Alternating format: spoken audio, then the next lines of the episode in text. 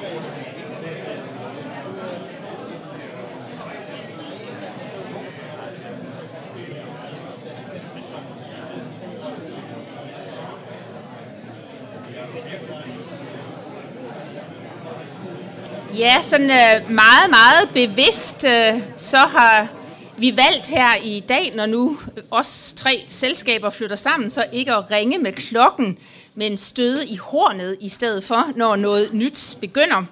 Tak til Arne, som har øvet sig på det her flotte horn, der er derude, og på den måde lader os forstå, at nu er det tid til at starte noget nyt, eller kan også sige tid til at fortsætte, fortsætte vores festdag, vi har kaldt det her for en festaften. Jeg synes jo allerede, at festen den er rigtig, rigtig godt i gang. Det er en dag, hvor der har lyttet sådan meget øh, tillykke og tak og tak i lige måde. Øh, det er en dag, hvor os, der er her til daglig, er fyldt af taknemmelighed over, at vi er nået hertil. Vi oplever også, at øh, jer, som kommer og som vi tænker om som vores venner og som en del af det her store, øh, vi også er taknemmelige for, at vi har gjort det her, altså turet våge det her skridt og rykke sammen og lade os tage farve af hinanden. Det er i hvert fald noget, som vi håber rigtig meget, at vi vil her. Men aller, aller mest så er vi utroligt taknemmelige til den gode Gud, for at vi nu er kommet så langt som det her. Så lad os starte med at synge her i aften. Nu takker alle Gud. Den er på sangbladet. Øh, skal der lige cirkulere nogle sangblade? Mens Martin lige spiller lidt for, så får vi dem til at cirkulere.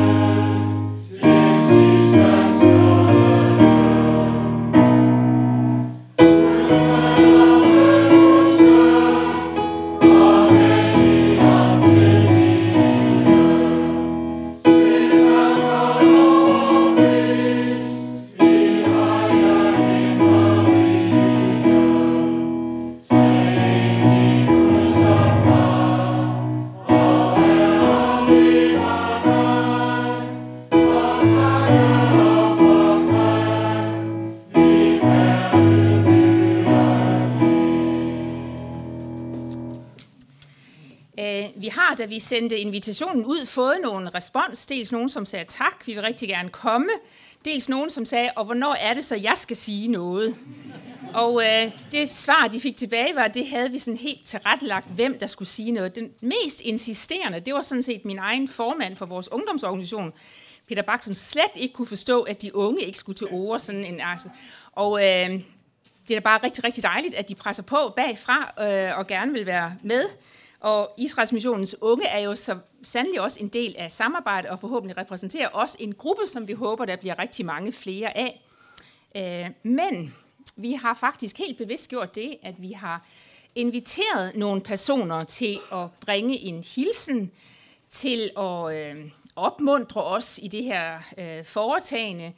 Øh, de må rigtig gerne skubbe til os. Vi har også øh, nævnt for dem, at det her det er en festaften, så hvis indslaget var festligt og lidt skævt, så, så, så var det også meget velkomment. Vi, vi vil gerne rykkes lidt rundt med, så hvis de syv, der har fået ordet, kan gøre det, så er det fordi, de er blevet bedt om at gøre det på den her måde.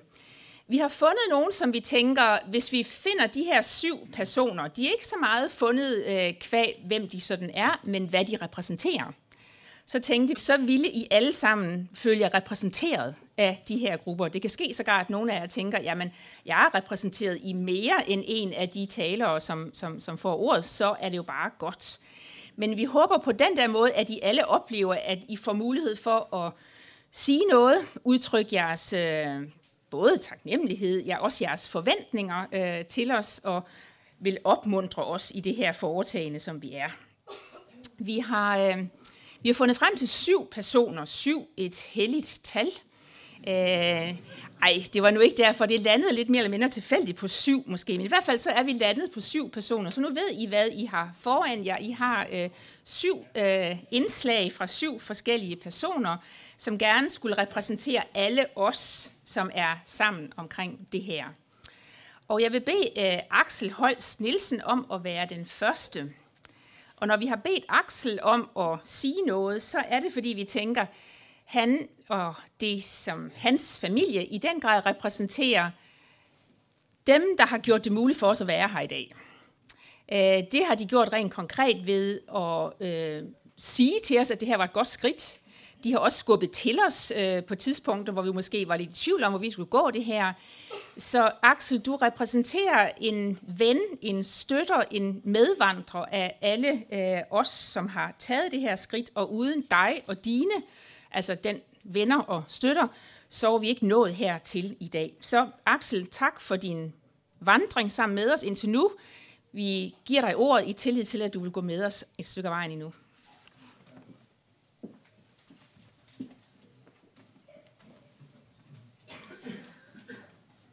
Jamen, øh, efter den flotte introduktion, der er virkelig noget at leve op til. Så forstår jeg virkelig, hvor privilegeret jeg er blevet. Ja, det er jo med at have nogle ambitioner og nogle visioner. Og det er jo faktisk de to nøgleord, jeg vil sige lidt om.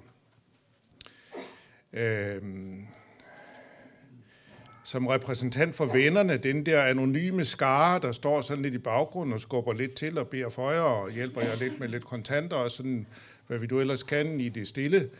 Øh, jeg er ikke sikker på, hvor meget mandat jeg har. Jeg var ude af stand til at dokumentere det i hvert fald, hvis jeg blev afkrævet det, men jeg forstår, at det går nok alligevel.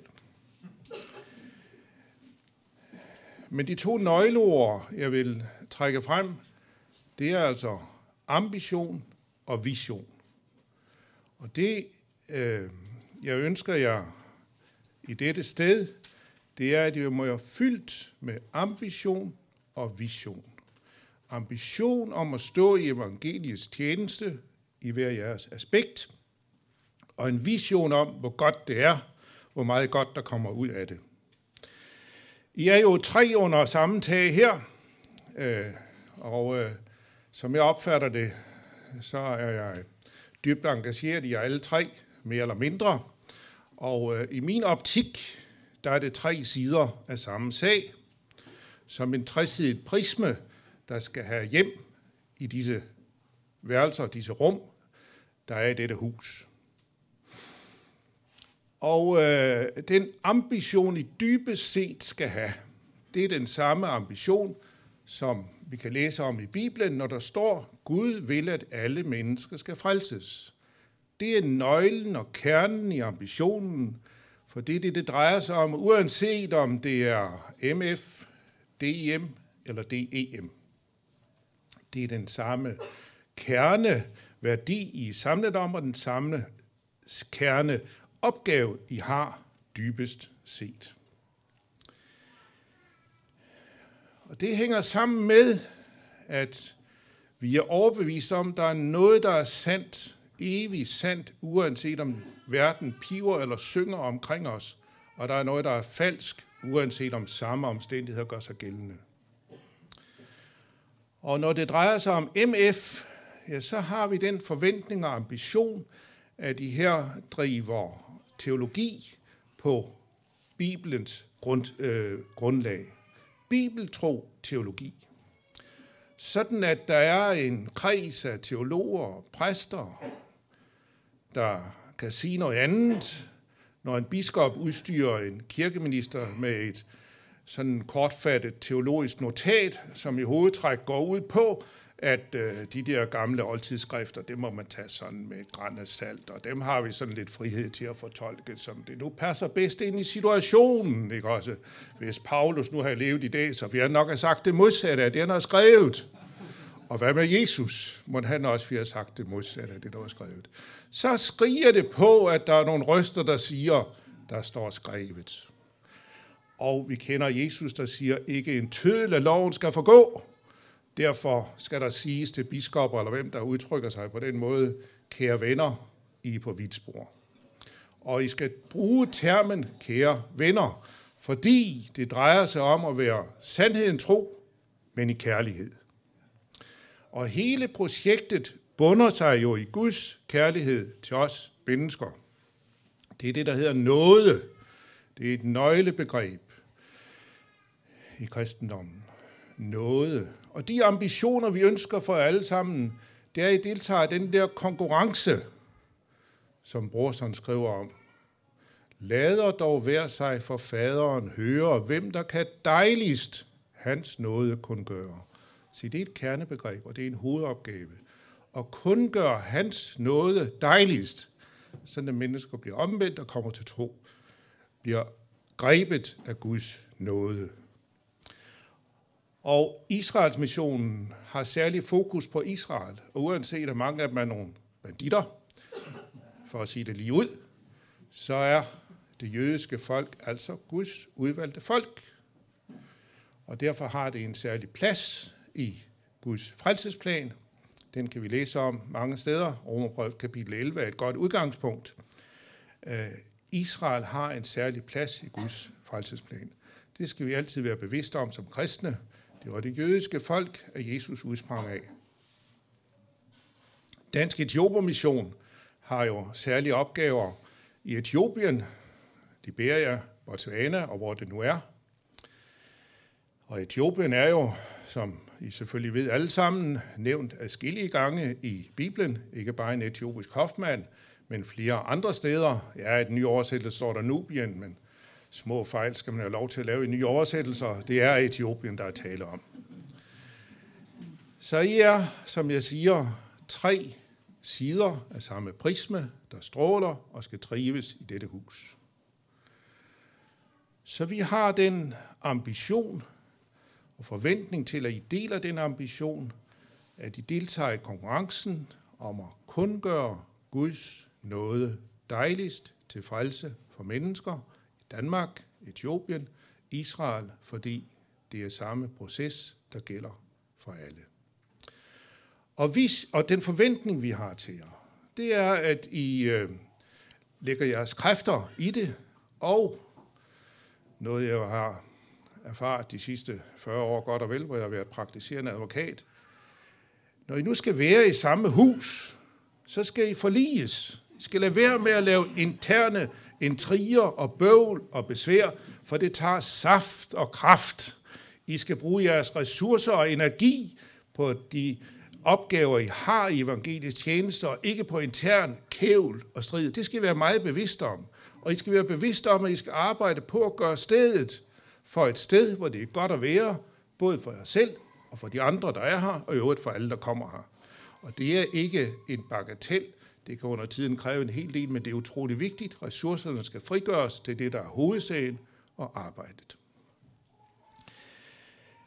Øh, det er forventningen til jer. Og så visionen. Ja, visionen, den øh, er jo enkel nok. Altså, man kan jo sige, øh, man kan jo sige, øh, som jeg har sat nogle salmer på sangbladet. Jeg mangler en forfatter der, men så kan jeg da citere lidt af ham. Øh, og det vil, jeg så, det vil jeg så slutte med, ikke også? Øh, det er jo den, at det kan være, jeg skal have, det kan være, jeg skal være sikker på, at jeg ikke, ikke citerer. Nej, det var ikke det der, det var, det var noget andet. Det var noget andet. Nej, det er slet ikke den, jeg vil have, det er noget helt andet. Nej, det er noget helt andet. Det er noget helt andet. Jeg skal lige være sikker på, at jeg siger den her, ja. Ja. Altså, det er den forfatter, jeg savner på bladet. Så, så, så det hjælper jo ikke, for bladet. Jeg har et, har et andet blad her. Og det er visionen, indemålet, som jeg synes er udtrykt på en måde, der ikke kan gøres bedre. Jeg kan i hvert fald ikke. Øh, og det handler om nogle linjer her. Troen brød gennem al angstens pile, fandt under korset sit fristed til hvile. Halleluja, halleluja. Aldrig kom englene sådan for øre, før man begyndte Guds harper at slå. Det var for dem så livsaligt at høre. Himlens hele forsamling tog på. Amen, halleluja, sejren er vundet. Jesus, sit barn, det fortabte, har fundet. Halleluja, halleluja. Det er visionen. Tillykke med det.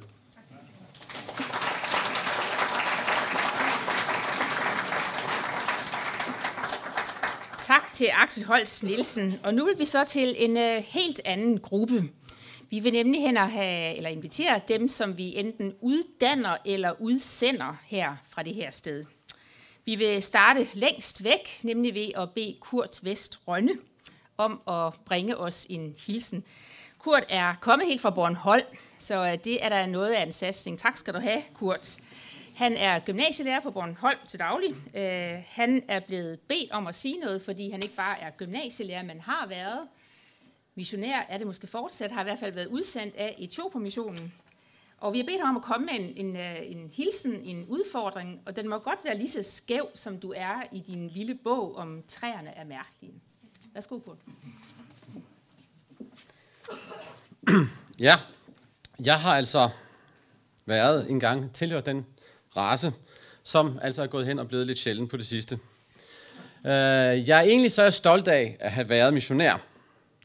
I daglig tale, på lærerværelser og andre steder, så indrømmer jeg det gerne, at jeg har været missionær, men ikke uden ekstra forklaring på, hvad det egentlig er, jeg har lavet.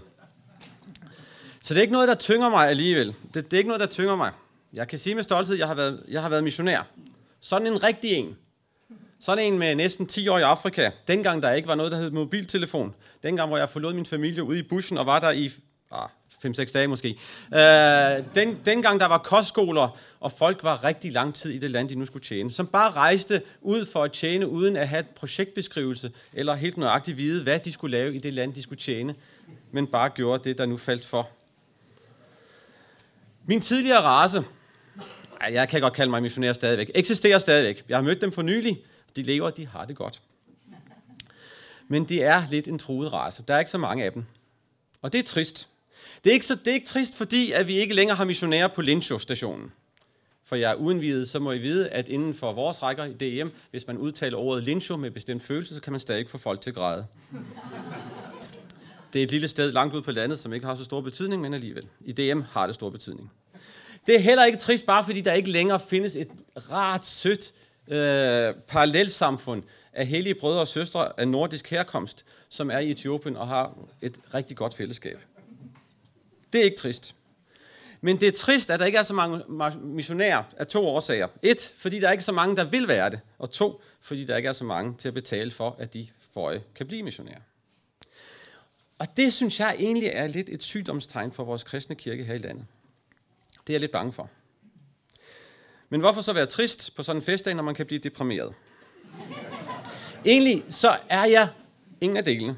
Der er alt for meget liv i Guds rige. Der er alt for meget øh, kraft i Guds budskab, i Jesus frelseværk, til at vi behøver at være triste. Mit håb er her for tåret, at I kommer til at have med rigtig mange missionærer at gøre. Ikke nødvendigvis i Etiopien, så de gerne må sørge for, at der er så mange danske missionærer i Awasa, sådan så at når vi i en nær fremtid tager til Etiopien for at være der en sommerferie, at vi kan låne huset dernede. øh, men bare der kommer til at være mange missionærer, som tager, tager afsted til dem, der ikke har hørt det her budskab før. Om det så er Etiopien, Liberia, Botswana, øh, Israel, Lolland eller Ishøj, det er sådan set lige meget. Bare der sker noget. Bare at der er nogen, der går ud for at fortælle det glade budskab. Som får lov til at bruge en stor del af sin tid på, sine visioner på, at gøre en forskel for folk i det område, de nu bliver sendt til. Lad mig fortælle en lille missionær-anekdote. Og som alle andre, der øh, har været missionærer, så ved jeg godt, at missionærhistorier de er ofte ældre dato. Det er min også. Den har været fortalt mange gange før, og den er let selvforherligende. øh, samtidig så skal den helst ledsages af lysbilleder og øh, påklædning af mærkelig herkomst. Øh, jeg har ikke lysbilleder med i dag, det, der var ikke lige plads til det, men jeg har beklædning med af mærkelig herkomst. Øh, så. Sådan der. Ja, nu kan jeg fortælle det. Uh, og egentlig så er det lidt dumt at påklæde sig etiopisk, fordi det var, den her historie tager faktisk, uh, den finder faktisk sted efter, at jeg har været i Etiopien. Uh, et par år efter, at vi havde været i Etiopien, så tog min bror på besøg i Etiopien. Uh, han kommer forbi et sted, uh, hvor en anden person, der sidder her i lokalet, pludselig råbte, stop, her må man ind og besøge. Det var et sted, hvor jeg havde tilbragt en del tid med at bygge kirke sammen med, med, med den lille menighed der. Da de fandt ud af, at det var Mr. Kurts bror, der var kommet på besøg, så fik han den helt store rundvisning i, i, øh, i kirke, i øh, deres hytter, overalt, og de viste frem, og de fortalte, og han blev modtaget som om, at han var øh, deres nærmeste ven. Øhm, og han fortalte, han fortalte selvfølgelig om alt det, der er lavet, og der var selvfølgelig en masse hilsen og, og rosenord til mig. Min bror, da han kom tilbage, så fortalte han det med rigtig stor glød i stemmen. Han var meget glad for den oplevelse, for han var kommet ind og fået lov til at opleve det afrikanske samfund, uden at skulle være turist, men fordi han var en ven der. Han var ikke så glad for, at de havde øh, sagt, at øh, de håbede meget kraftigt på, at øh, jeg var blevet lige så tyk og dejlig, som han var. Men bortset fra det, så var, de, øh, så var han meget glad for den oplevelse. Hvad er det, jeg vil med det her? Jo, da jeg hørte om den oplevelse, var det, det slog mig. Hvor stor betydning, at lille jeg, en lille bundeknæk fra Bornholm, der bare tog til Etiopien og lavede et eller andet. Hvor stor forskel det havde betydet for for det samfund der. Vi satte noget i gang, og det fortsatte, og det blev, de fik forbedring på mange områder, ikke bare det åndelige plan. Og det var ikke noget specielt farligt, jeg gjorde. Det, jeg følte mig ikke som en stor pioner. Det var bare noget, jeg gjorde, fordi det faldt mig for ganske naturligt. At få lov til at gøre et forskel for en, en landsby, og få lov til at fortælle, at gøre en forskel, som er så stor, er rigtig, rigtig stort. Så meget, så jeg, som jeg står og snakker lige her nu, så bliver jeg oprigtig i tvivl om, hvad i alverden jeg laver her i landet. Fordi jeg ved, jeg ved, at når min bror om, hvad siger, om tre år møder en af mine elever fra Bornholms Gymnasium, som ellers er meget glade for deres matematiklærer, så er jeg helt sikker på, at de ikke giver den, ja, så giver de ikke min bror den store rundtur og kaffe og det hele. At få lov til at gøre en mægtig forskel. Jeg håber og beder til, at torvet får mange, med mange missionærer at gøre, som får lov til at gøre en forskel, både materielt, menneskeligt og åndeligt. Jeg håber, I bliver gode til at få flere gang i arbejde. Fra missionærsynspunkt, så kan jeg ikke bedømme, om torvet er en forbedring. Os rigtige missionærer, vi er egentlig ret ligeglade med kontoret derhjemme. Bare at der kommer nogle penge en gang imellem, og så ellers at de øh, udviser forståelse for, når vi laver nogle mærkelige ting. Det må jeg godt huske også. Forståelse. Men jeg håber, at der kommer at bliver skabt så meget liv og dynamik og opmærksomhed, at I kan sende rigtige missionærer ud til hele verden, som kan gøre en forskel. På vegne af alle missionærer vil jeg så sige tillykke, og Exabia Jemesken, må Gud velsigne jer, og I skal svare Amen.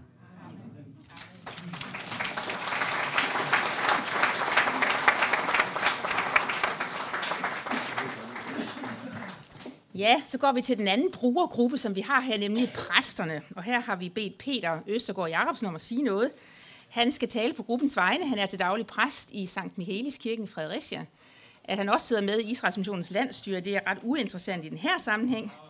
Øh, nogen kender Peter fra andre festaftener på det her sted, og nu får du altså muligheden for at optræde endnu en gang på ikke MF's festaften, men Torvs festaften. Peter, værsgo. Tak for det. Kære, kære mor og far, kære Torvet og MF dermed. Det er jo 13 år siden, jeg flyttede hjemme fra dig, far. Som små, små studerende, så voksede vi jo op her inde i dit hjem, øh, hvor det var helt naturligt, at vi jo kun havde dig, far. Du er jo ikke så glad for, at der skulle komme kvinder ind i dit liv, så vi måtte leve alene med dig, far. Men som mange af dine børn har sagt igennem tiden, vi har aldrig manglet noget. Og sandt er det. Du har givet os alle en ballast med os ud i livet, i præste- og teologlivet. Hvem husker ikke, når vi var sammen hele familien til vendestævne og sang Guds kirkes grund alene? Det varmede os i hjertet, og der var sjældent et øje tørt. Mange har her i dit hjem taget ned fra hylden så tung en bog og forelæst for os børn. Du har jo altid ment, far, at der var ikke noget, der kunne være godt nok til os. Vi skulle altid have det bedste af det bedste. Vi skulle have de bedste lærere, de bedste læsepladser, og vi skulle have alle de bedste holdninger. Siden er vi børn jo blevet spredt for alle vinde. Nogle til lunere himmelstrøg, andre bliver forblæst ude på den jyske vestkyst. Men uanset hvor, så kan vi i dag, som dine børn, stå på et fundament, et solidt fundament, som du gav os med på vejen. Samtidig er der jo imellem os øh, børn et ganske særligt bånd. Vi er jo som søskende for hinanden, fordi vi har vores fælles hjem her hos dig, far. Du lærte os jo værdien af fællesskab. Vi lærte at kombinere viden med bøn. Vi lærte at kombinere studie med levende liv som kristne. Alt det og meget mere kan vi ikke takke dig nok for, far MF. Men når alt det er sagt, så tror jeg også, at jeg taler på alle os søskendes vegne, når jeg i dag siger, fra i dag er hjemmet blevet helt. Når vi ser, hvordan mor langsomt er skudt op af jorden herude, og nu har plantet sig så solidt her i din forhave, så kan vi jo godt se, at I to altid har hørt sammen.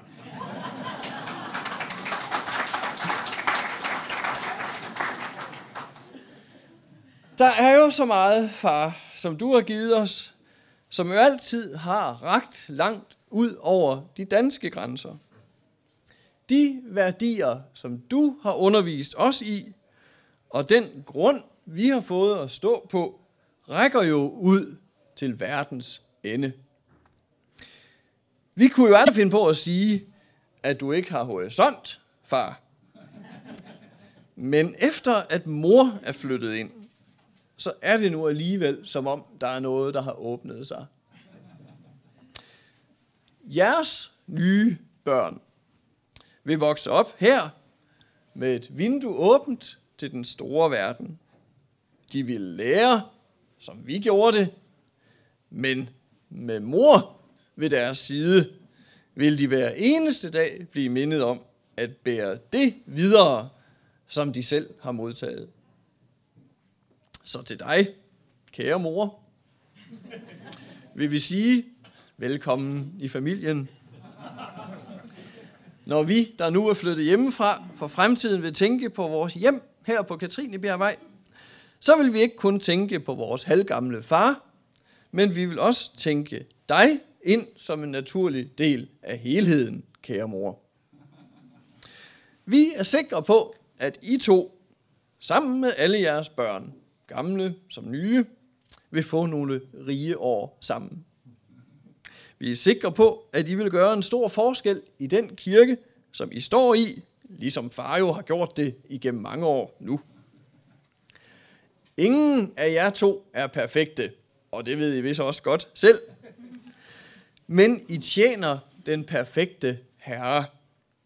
Og I lærer jeres børn dybderne i troen på den perfekte frelser. Og I sender os ud med det perfekte budskab helt til verdens ende. Alle vi, som er børn af jer, vil give vores støtte til jeres ægteskab og ønske for jer, at Guds hellige vind må blæse gennem alle jeres gemakker.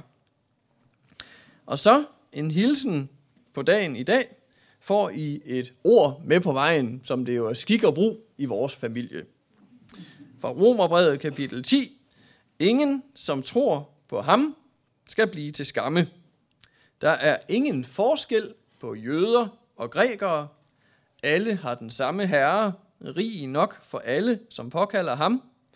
For enhver, som påkalder Herrens navn, skal frelses. Det navn har altid stået højt i vores hjem. Og det navn må I nu bringe ud til verden, til både jøder, etiopere, danskere og hedninger i al almindelighed. Tillykke med jeres nye liv med hinanden og gå med Gud.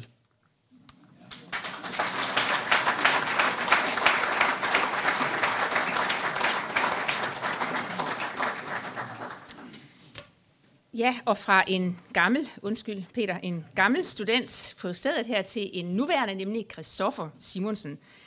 At Christoffer ikke bare er studerende her på stedet, men endda formand for studenterrådet, det gør dig som en rigtig egnet kandidat til det her, til at tage ordet på vegne af alle studenterne her.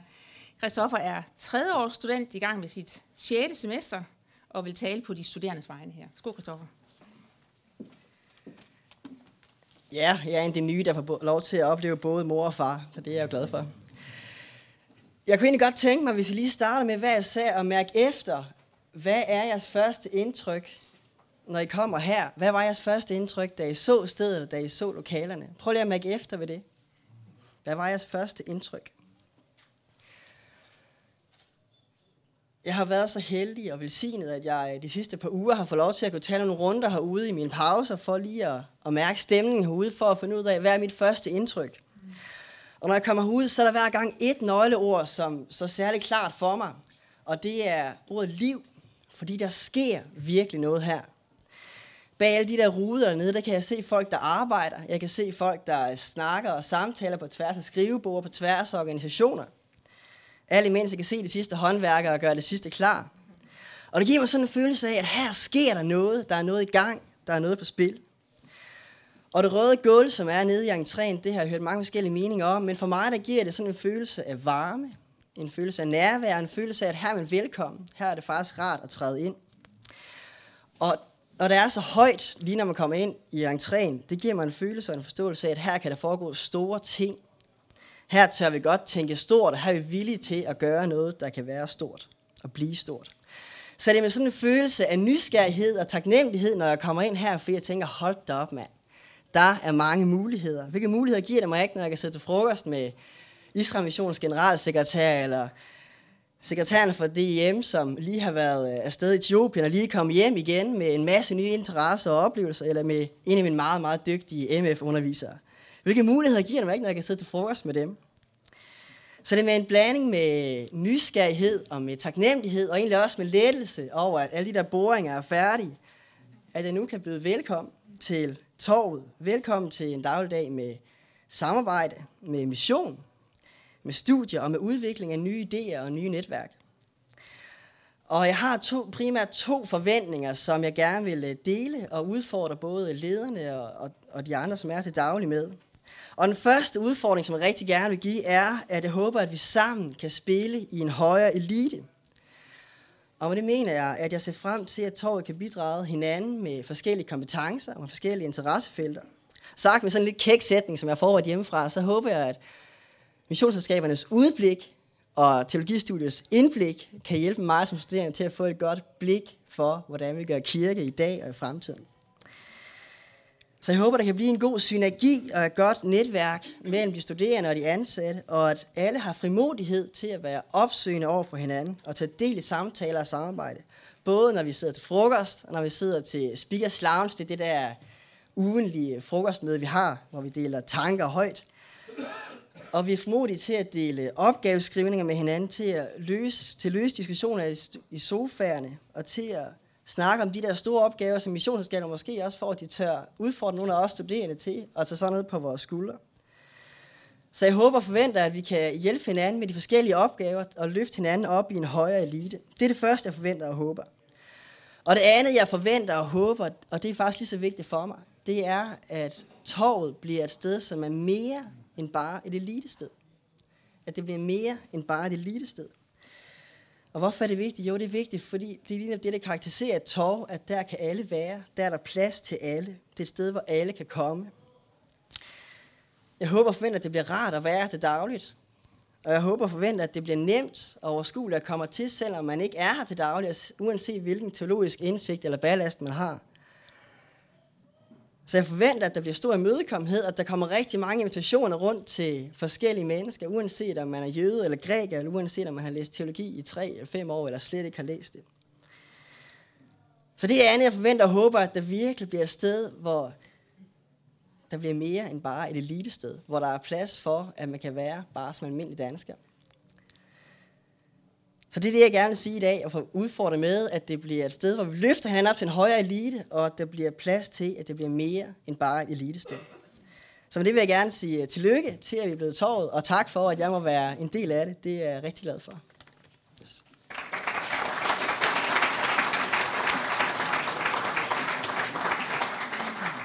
Bare sige tak til Christoffer og alle dem, du øh, repræsenterer. Øh, nogle af os er godt i gang med den der kaffestue-snak, frokostpause-snak, hvor øh, det er rigtig godt at gå i dialog med jer. Så øh, tak, at I ikke synes, vi er så træls og kedelige og gamle og så videre, men gerne vil samtalen. Jeg synes, vi er godt i gang med den, og tak for udfordringen til, at den må fortsætte.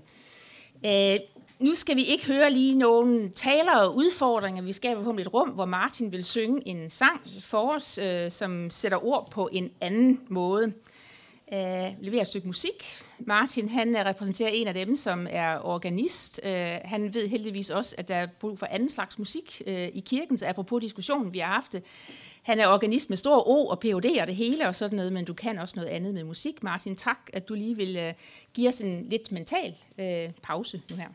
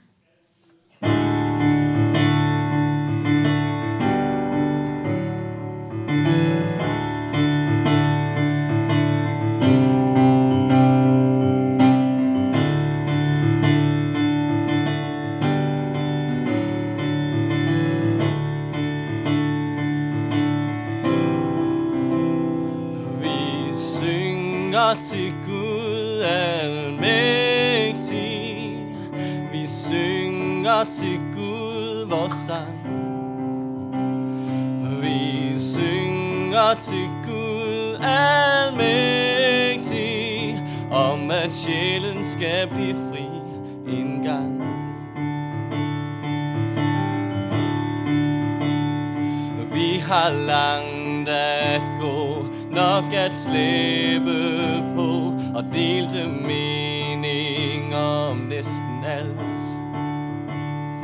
Ingen krav på ret, mange der hørt og set, og meget mere er aldrig blevet fortalt. Men så bryder lys gennem skyerne Og håbet vågner nok og vi strækker os mod himlen i sang Vi strækker os i sang.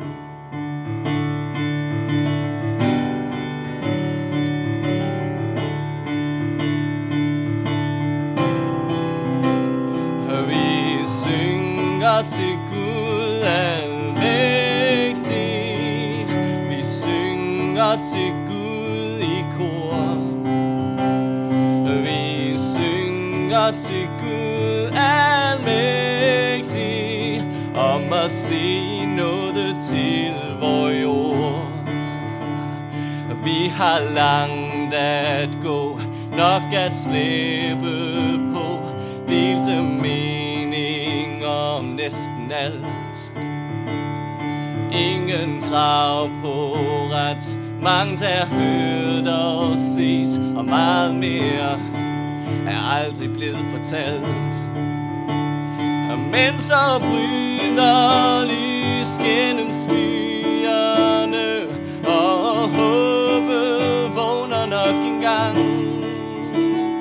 Og vi strækker os mod himlen i sang. Men så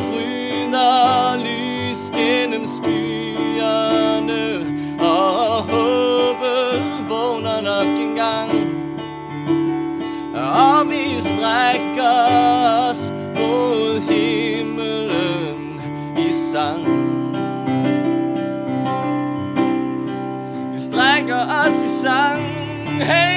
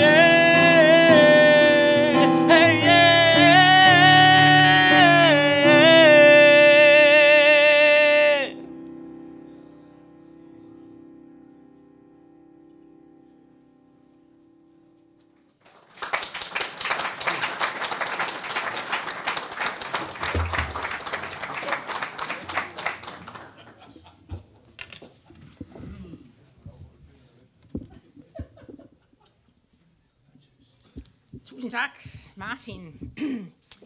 Øh, der er ingen tvivl om, at vi er super glade for vores nye rammer her. Men egentlig så vil vi helst sprænge rammer og krydse grænser i stedet for. Øh, vi vil gerne lave frugtbare krydsninger, ikke bare mellem teologi og mission, men også mellem en række andre fag. Og til sådan at sætte ord på noget af det her, der har vi bedt Katrine Kasberg om at bringe os en hilsen. Katrine er antropolog. Øh, hun har også øh, uddannet sig inden for ledelse og kommunikation. Øh, hun har erfaring fra det der med at krydse grænser, både arbejde på Balkan, og helt konkret så har hun været afsted i nogle projekter, som Etiopien har, både i Liberia og i Etiopien. Så Katrine, velkommen og giv os din udfordring til, hvordan vi krydser nogle grænser og laver nogle spændende krydsfelter.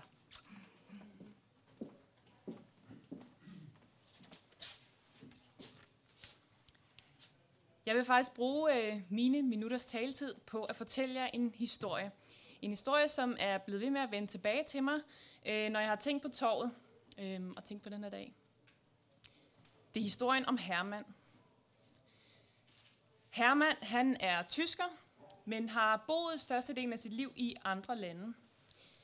I dag der er Hermann en ældre herre på plejehjem i Oxford. Øh, gennem rigtig, rigtig mange år, der arbejdede Hermann som missionær. Øh, en meget visionær en af slagsen. Han var kendt for at være en meget dygtig leder, en menneskekender. Og så kunne han noget helt særligt i forhold til at udruste og inspirere unge mennesker, der var på vej ud i verden.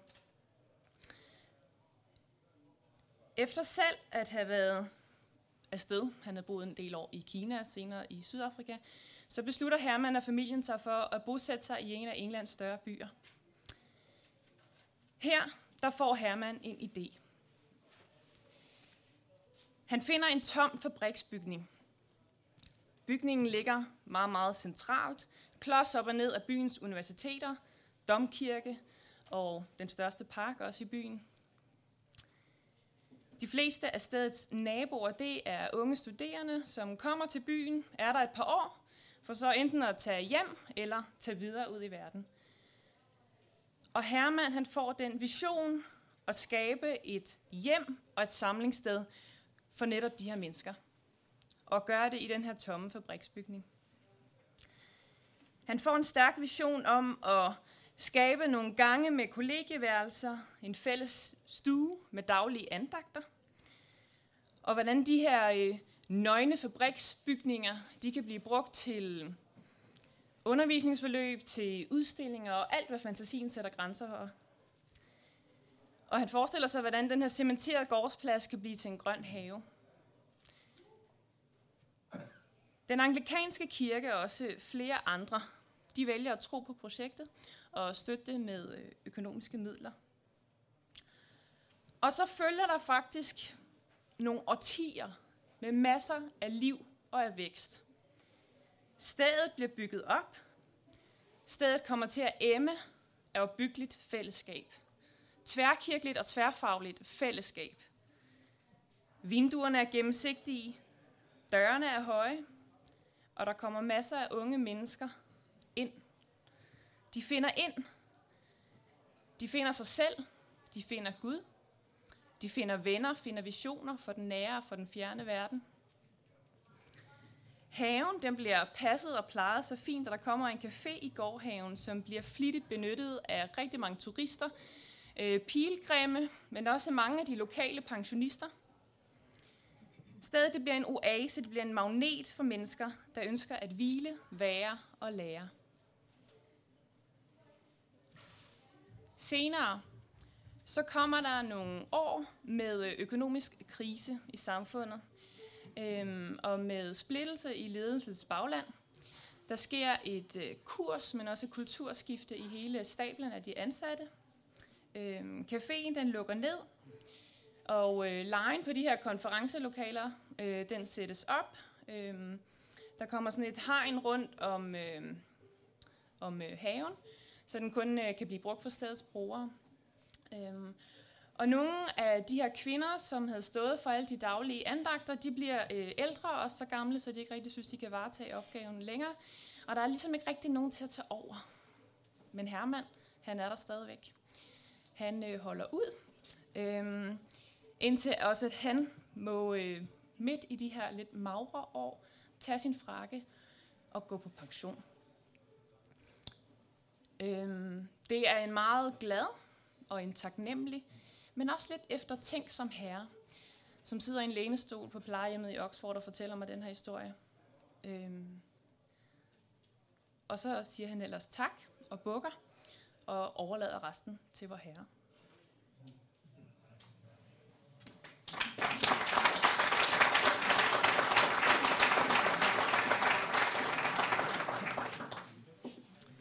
Tak, Katrine, for introduktionen til Hermann og for inspirationen fra ham. Måske også en påmindelse af nogle faldgrupper, som kan være, når man sådan flytter sammen og gerne vil være og lære sammen. Den næste i rækken her, ja egentlig så skulle det have været en af vores øh, nære naboer, som vi havde inviteret til at komme, nemlig Peter Lodberg fra til Teologiske Fakultet. Peter Lodberg havde først sat kryds i kalenderen og sagt, at jeg vil rigtig, rigtig gerne komme, indtil han opdagede, at han faktisk havde lovet at holde et foredrag på Sjælland i aften, så han måtte takke nej. Men øh, som øh, Christoffer nævnte, så er der noget, der hedder Speakers Lounge, og øh, Peter Lodberg har sagt ja til at komme til en af vores Speakers Lounge her inden for den nærmeste fremtid, og komme med den udfordring, som han så ikke har mulighed for at komme med her i aften. Derfor, Anders, så er vi kommet til dig i rækken. Anders Laugesen, journalist. Øh, jeg tror, nogle af os kender Anders' stemme fra udsendelser i radioen Mennesker og Tro på P1. Uh, rigtig mange af os kender også Anders som et menneske, der er meget optaget af det der med kirke, kristendom uh, i vores land, i den verden, som vi er en del af. Uh, jeg tror også, vi kender dig som en kærlig kritiker af noget af det, som vi uh, står for. Og Anders, det er som sådan, at du får ordet nu her som en, der er optaget af det samme, som vi er optaget af, uh, som ofte har en kritisk, kærlig bemærkning til os. Og den får du også lov til at komme med nu her.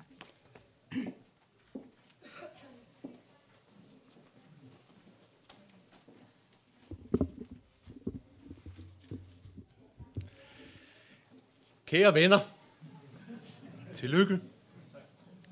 Når jeg ser rundt her i salen, så ser jeg mange ansigter øh, med øh, mennesker, som jeg har haft rigtig gode stunder med. Også selvom vi måske ikke teologisk eller kirkeligt sådan lige står på linje, så øh, kan jeg sige det, jeg nu siger med oprigtigt hjerte, nemlig at I er verdens lys. I er også verdens lys. I er jordens salt. I er også jordens salt. Det har jeg mødt så mange steder, øh, i samtaler, set det i øjnene, set det i jeres engagement, og det skal jeg tak for. Nu er vi jo kommet her til Torv. Fantastisk navn for et sted. Og noget af det, der karakteriserer Torv, det er jo, at der er mange handelsvarer. Og en af de ting, der handles ude i afrikanske torve, det er salt. Man kan købe sig en pose salt, og så kan man drage ud i verden. Ligesom jeg for tre dage siden talte med en øh, mand i Israel, der har gjort, Mads. Han havde købt 10 kilo salt og sat sig i en kano og var begyndt at padle ned af en af Kongofloderne. Han havde regnet med, at det skulle tage tre uger. Det kom til at tage otte måneder, så det var ikke så godt. Nå, men med sig havde han altså 10 kilo salt. Og hvor han kom frem, så øh, gik de ind i landsbyer, også selvom de var fjendtligt stillede, og så dryssede de salt ud. Så fik de en portion salt, og som Mads fortalte mig, høvdingen fordelte så saltet til folk, der tog det til sig, for de vidste, at salt var livgivende. Så sådan er det jo med salt. At det er noget, der er naturligt for os alle sammen. Og vi ved, at det er det. Uden det kan vi ikke leve. Uden det er der ingen katalysator for, at kroppen kan fungere. Guds kærlighed kan smages. Guds kærlighed kan mærkes. Men nu selv sådan en, en, en sjov ting. Øhm, I kender i, ude fra den store verden, når man kommer på hoteller, de her saltbøsser, hvor der er riskorn i. Ikke? Og hvorfor er der nu det? Jo, det er fordi salt jo godt kan klumpe sig sammen. Det er ikke så godt, når man sådan vil. Det, det, det klumper sig sammen, og det er ikke til at få ud af denne her bøtte. Og sådan en oplevelse havde jeg en lille smule, sådan, nu skal man tale lidt i billeder, øh, i, øh, kirken i Jerusalem, da jeg var til øh, gudstjeneste i lørdags. Fordi jeg sad der sammen med min søn Adam, og øh, vi kom altså, vi der trods alt er kirkegængere, vi kom faktisk frem til efter nadveren, før der var en eneste af de toner, vi overhovedet kendte. Og det var ikke så godt, vel? Vi, vi havde en fornemmelse af nogle rigtig, rigtig fine mennesker, men at det hele begyndte at klumpe sig en lille smule sammen. Og det jeg godt vil sige til jer, det er, at jeg hører til den del af kirken, som virkelig, virkelig værdsætter det arbejde, som I og jeres har gjort igennem generationer. Vi kan takke vor Herre for, at der har været nogen som jer i menighederne til at give liv, til at køre søndagsklubber, til at sørge for, at der bliver brygget kaffe osv. osv. Men det, der sker lige nu, når jeg ser ud over jeres bagland, det er blandt andet, at saltet begynder at klumpe sammen. Det hedder valgmenigheder og frimenigheder. Det hedder øh, nye sangtraditioner, som nogle af os har det noget svært med. Fyldt af rytme uden poesi. Ja, det var sådan meget personligt, ikke? Men altså, når saltet klumper sig sammen, kære venner, så er det, at det har svært ved at komme ud og give kraft og liv til os andre. Og derfor det første, jeg vil sige, det er, at jeg håber for jer, at I sammen, jeg forstår godt de der, øh, øh som Søster Abraham kalder, de der sange der. Ikke? Altså det, jeg forstår godt behovet for at lave fornyelse, og at der skal ske noget, og vi ikke kan gøre det alting, som det var, men jeg håber, at I formår at række ud til nogle af os andre, som også er kirken, og være med til sammen at skabe en øh, fælles fremtid i det kirkelige. For ellers vil der ske det, at det ikke bare klumper sammen, men det bliver til en saltklumper. Saltklumper, som kommer til at stå helt forskelligt, isoleret fra hinanden, har det godt sammen. Men hvad er det, Jesus siger? I er, være, I er jordens salt, og hvad så? Hvordan nu det fortsætter? Det er ikke godt, vel? Nå. Det jeg gerne vil sige, det er, at Jesus har tændt jeres hjerter. Det ser man, når man har mødt mange af jer. Men tør I også være saltet ude i verden? specielt når man begynder at sådan tænke over tingene, og ikke måske bare leve spontant i kærlighed til næsten, så opstår der strukturer. Og nu siger jeg noget, der måske er en lille smule farligt, men det gælder ikke bare jeres del af virkeligheden, det gælder også andre dele af teologien. Men teologien er altid i fare for at blive til saltstøtter. Når man har en teologi, der ofte bygger på formler, og nu er jeg lidt fræk, men altså, når jeg hører, kommer i diskussion, og det vil mange af jer kunne kende, diskussioner, I har været i med mig, så hører jeg ofte teologi, der ikke nødvendigvis kommer fra hjertet, men teologi, der hører til i et specielt sprogligt fortolkningsunivers, det jeg vil kalde en formelteologi. Og øh, det kan godt være, at, at det er rigtigt, det I siger. Jeg vil ikke afvise, at det er rigtigt, det jeg siger, men jeg vil bare konstatere, at I ikke når mig som det sandt I gerne vil. Og så er der en ting til, jeg vil konstatere. Det er det der med, hvem der er frelst, og hvem der er ikke frelst. Nu har jeg et andet syn på frelsen, end I har. Jeg tror, at Guds nåde når alle. Men der er mange, der tror, at det gør den ikke. Det har jeg hørt iblandt jer. Og det, som virkelig, altså, som jeg virkelig kan blive ramt af, det er den ubekymrethed, hvormed I har det teologiske standpunkt. Det er som om, at I bare accepterer, at sådan er det, i stedet for virkelig at lade hjertet bløde og græde for alle os ufrelse, og så gå ud og, og, og, og være salt i verden. Det synes jeg simpelthen er et problem for troværdigheden samtidig, når I kommer med det, jeg så vil kalde jeres øh, formelteologi. Jeg ved godt, det er lidt frækt, men nu kan jeg altså stå og sige det. Øh, se, problemet med formelteologi er ikke bare jeres. Det er teologiens problem i det hele taget. Det er de kristnes problem. Fordi virkeligheden har forandret sig. Virkeligheden er fuldstændig vanvittig på mange måder. Og Guds skabning græder. Englene græder, når de ser ud over verden, når de ser, hvordan vi er ved at ødelægge jorden og livet for hinanden. De græder. Og der er så det store spørgsmål. Hvordan får vi saltet til at flyde? Hvordan opløser vi saltstøtterne? Hvordan bliver vi kraften i verden? Fordi der, hvor kærligheden, vi bliver bærer af Guds kærlighed, der vil verden også forstå, at sådan er det selvfølgelig for enhver, der smager saltet, ved, at det er livgivende. Og her er det, jeg vil slutte og sige, at jeg synes, det er fantastisk, at I har fået et torv. Jeg håber virkelig, at torvet ikke bare bliver til salgsvarer for gode argumenter og god teologi, men også bliver til sted, hvor I inviterer folk ind til at samtale. Fordi vi står i en situation, tror jeg nu, der betyder, at hvis vi vil ud som kristne og nå hjerterne i verden, i Danmark, så må vi reformulere vores sprog, så må vi reformulere det, vi ved brænder i vores hjerter, og forsøge at få det til at nå. Og det er der ingen af os, der kan gøre alene. Det gør vi i samtale. Og det kan godt være, at Sune og jeg, vi aldrig nogensinde bliver helt enige. men, men i samtalen, der sker der det forunderlige, at Helligånden jo kommer til stede med nyformuleringer. Og hvis ikke I går ud og er i samtale, så giver I ikke Helligånden mulighed for at nyformulere jeres visioner, jeres hjerte for, hjertet, for, for verden. Og det vil være mit håb. Jeg er meget inspireret af den ortodoxe kirke. Og i den ortodoxe kirke, der er en af øh, grundbønderne, Kyrie læseren, Herre, forbarm dig. Og lad det være min bøn for i aften over stedet her. Herre, forbarm dig. Giv stedet velsignelse og noget til at være et lys i verden, til at være jordens salt, og alle dem, der kommer her, glæde og velsignelse, sådan så dit budskab når alle. Tak skal I have.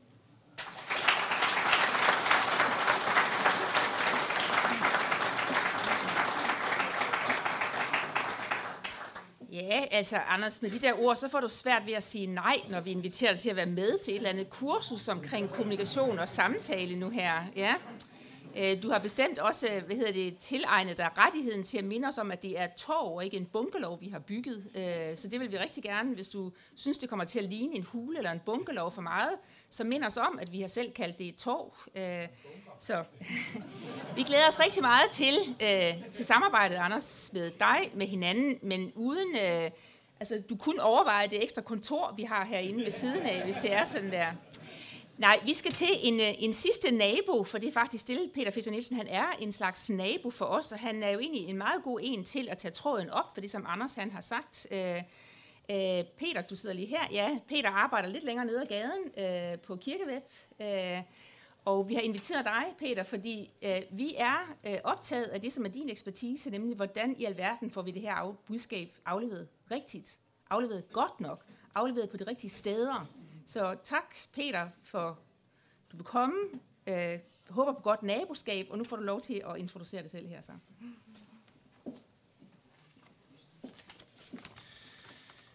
Ja, tak for invitationen, og øh, først vil jeg gerne sådan på alle naboers vegne sige øh, velkommen til torvet, og øh, vi har, har jo alle sammen synes det er rigtig spændende at følge med i, hvad der skete her, og se, se det vokse frem, og øh, jeg er sikker på, at de vil komme til at trives øh, rigtig godt her i de nye omgivelser.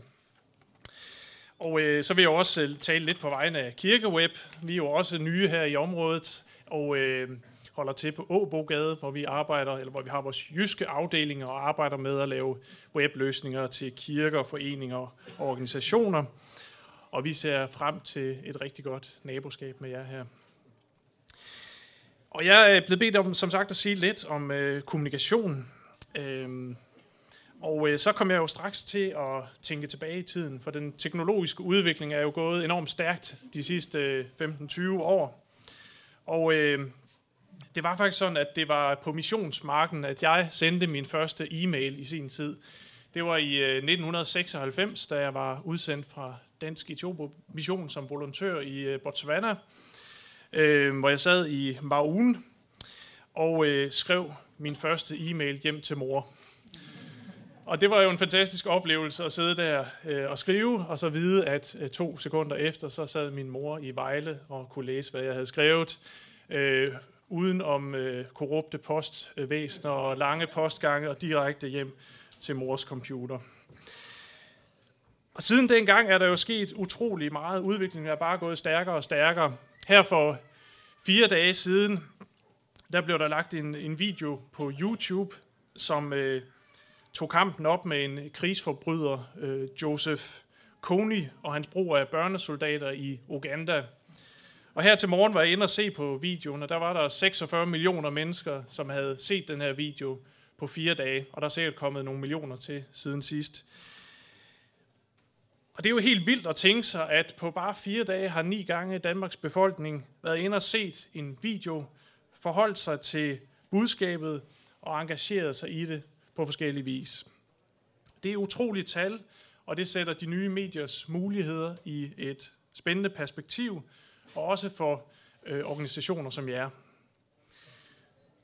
Det er jo sådan med kommunikation, at det hurtigt bliver utrolig øh, indholdsløst og tomt og kedeligt, hvis ikke at øh, kommunikationen er baseret på et reelt indhold, hvis der ikke er noget, man har på hjerte, hvis ikke man har et budskab, så bliver det tom kommunikation.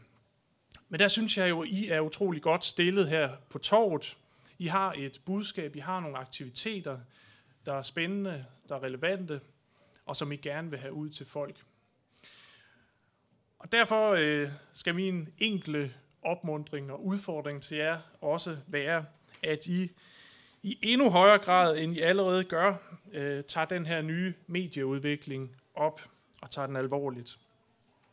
Undersøg, hvad I kan bruge de nye medier, de nye kommunikationsplatforme til, i forhold til at nå længere ud, i forhold til at engagere flere, og ikke mindst i forhold til at få fat i folks penge. Jeg vil gerne udfordre jer til at tænke nyt og til at tænke kreativt, til at eksperimentere, til at investere, også til at tænke i nye målgrupper, og det kan der jo måske godt blive behov for, og så også øh, til at tage de her nye målgruppers kommunikationsvaner alvorligt. Lytte til dem selv og øh, følge øh, efter dem. I er allerede godt i gang, kan jeg se på jeres øh, hjemmesider og hvad I ellers går og laver, men jeg tror, I kan nå endnu længere på den her front. Nu er jeg sådan et, et listemenneske, og jeg har sådan tænkt, at øh, jeg vil lave sådan en liste over 50 gode forslag til, hvor I kunne sætte ind helt konkret, og hvad, hvad jeg synes kunne være sjovt, hvis I gjorde på den her front. Men det nåede jeg desværre ikke, Men nu er vi jo så gode naboer, øh, så øh, det kan jo være, at jeg kan komme forbi med listen på et andet tidspunkt, eller vi kan tage en, en kop kaffe og snakke om det. Her nu vil jeg så bare slutte med at ønske jer endnu en gang et stort tillykke med jeres nye sted, og øh, Gud velsignelse over jeres, øh, Guds velsignelse over jeres samarbejde og de her nye muligheder, som I nu har fået. Tillykke.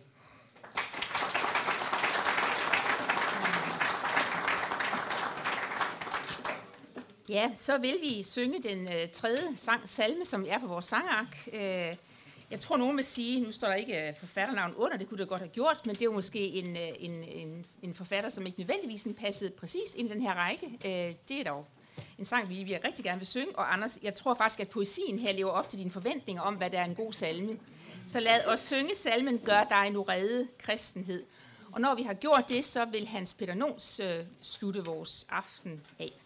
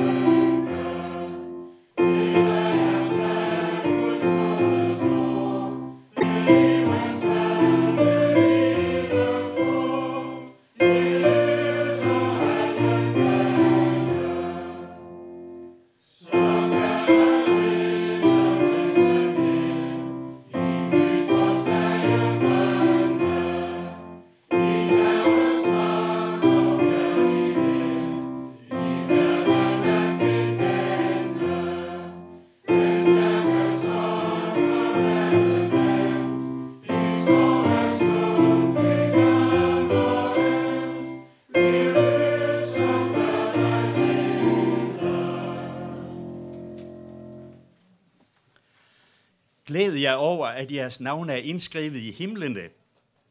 Øh, det er jo et udsagn fra Lukas 10, 20, øh, hvor Jesus siger til, dine, det til sine disciple, da de vender tilbage efter, at de har været udsendt to og to, øh, for at, at forkynde evangeliet.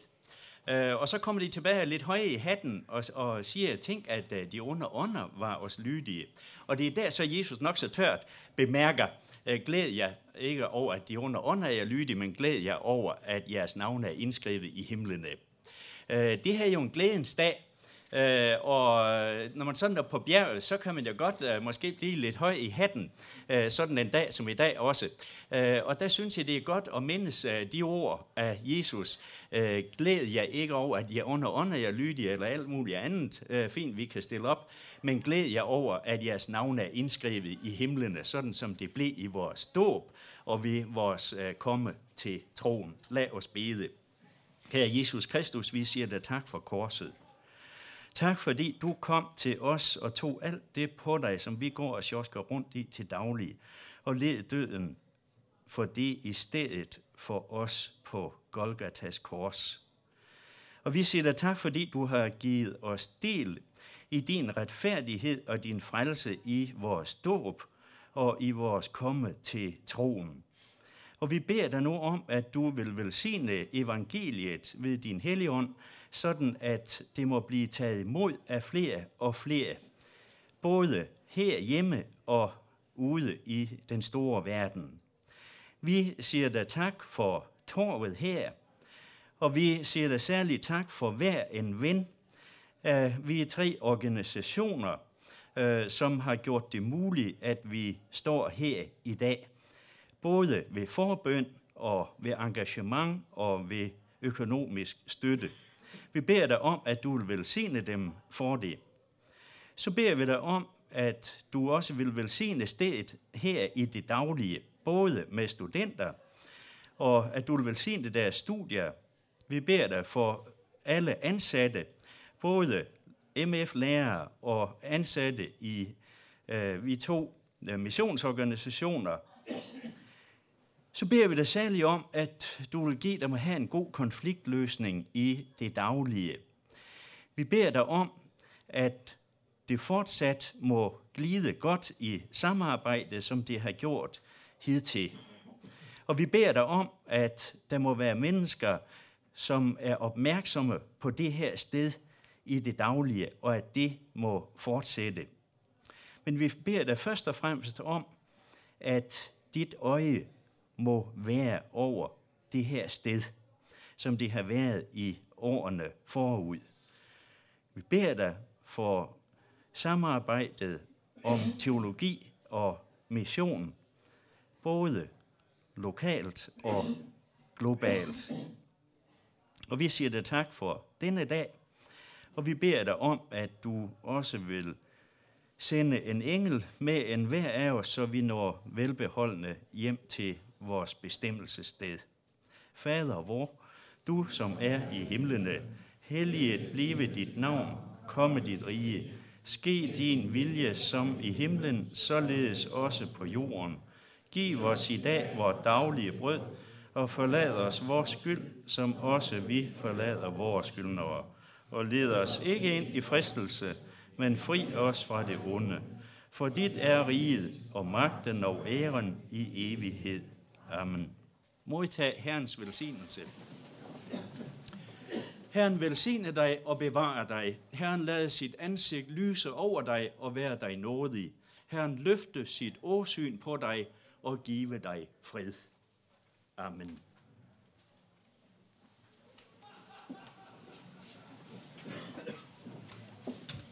Tak for nu. Vi dropper den sidste. Vi har nemlig lovet øh, næste generation, at de sådan kunne overtage øh, rammerne her og bestemme, hvad der skulle ske nu her, når klokken den blev godt og vel 8. Så tak, fordi I kom. Bliv endelig hængende, hvis I har lyst til at være med til øh, café- og koncertarrangementet nedenunder. Jeg tror ikke, der er aldersbegrænsning på, men vi andre, vi frelægger os altså ansvaret. Det har helt været noget, som de andre de står for, og vi glæder os over det. Tak til jeres på en særlig måde, som har udfordret os og bragt en hilsen. Jeg ved ikke, om dem nede i køkkenet kan høre det, men tusind tak for alt det, øh, I har gjort, både med kaffe i eftermiddag, sandwich frem og tilbage, nu her. Tak til jer, som var med der også.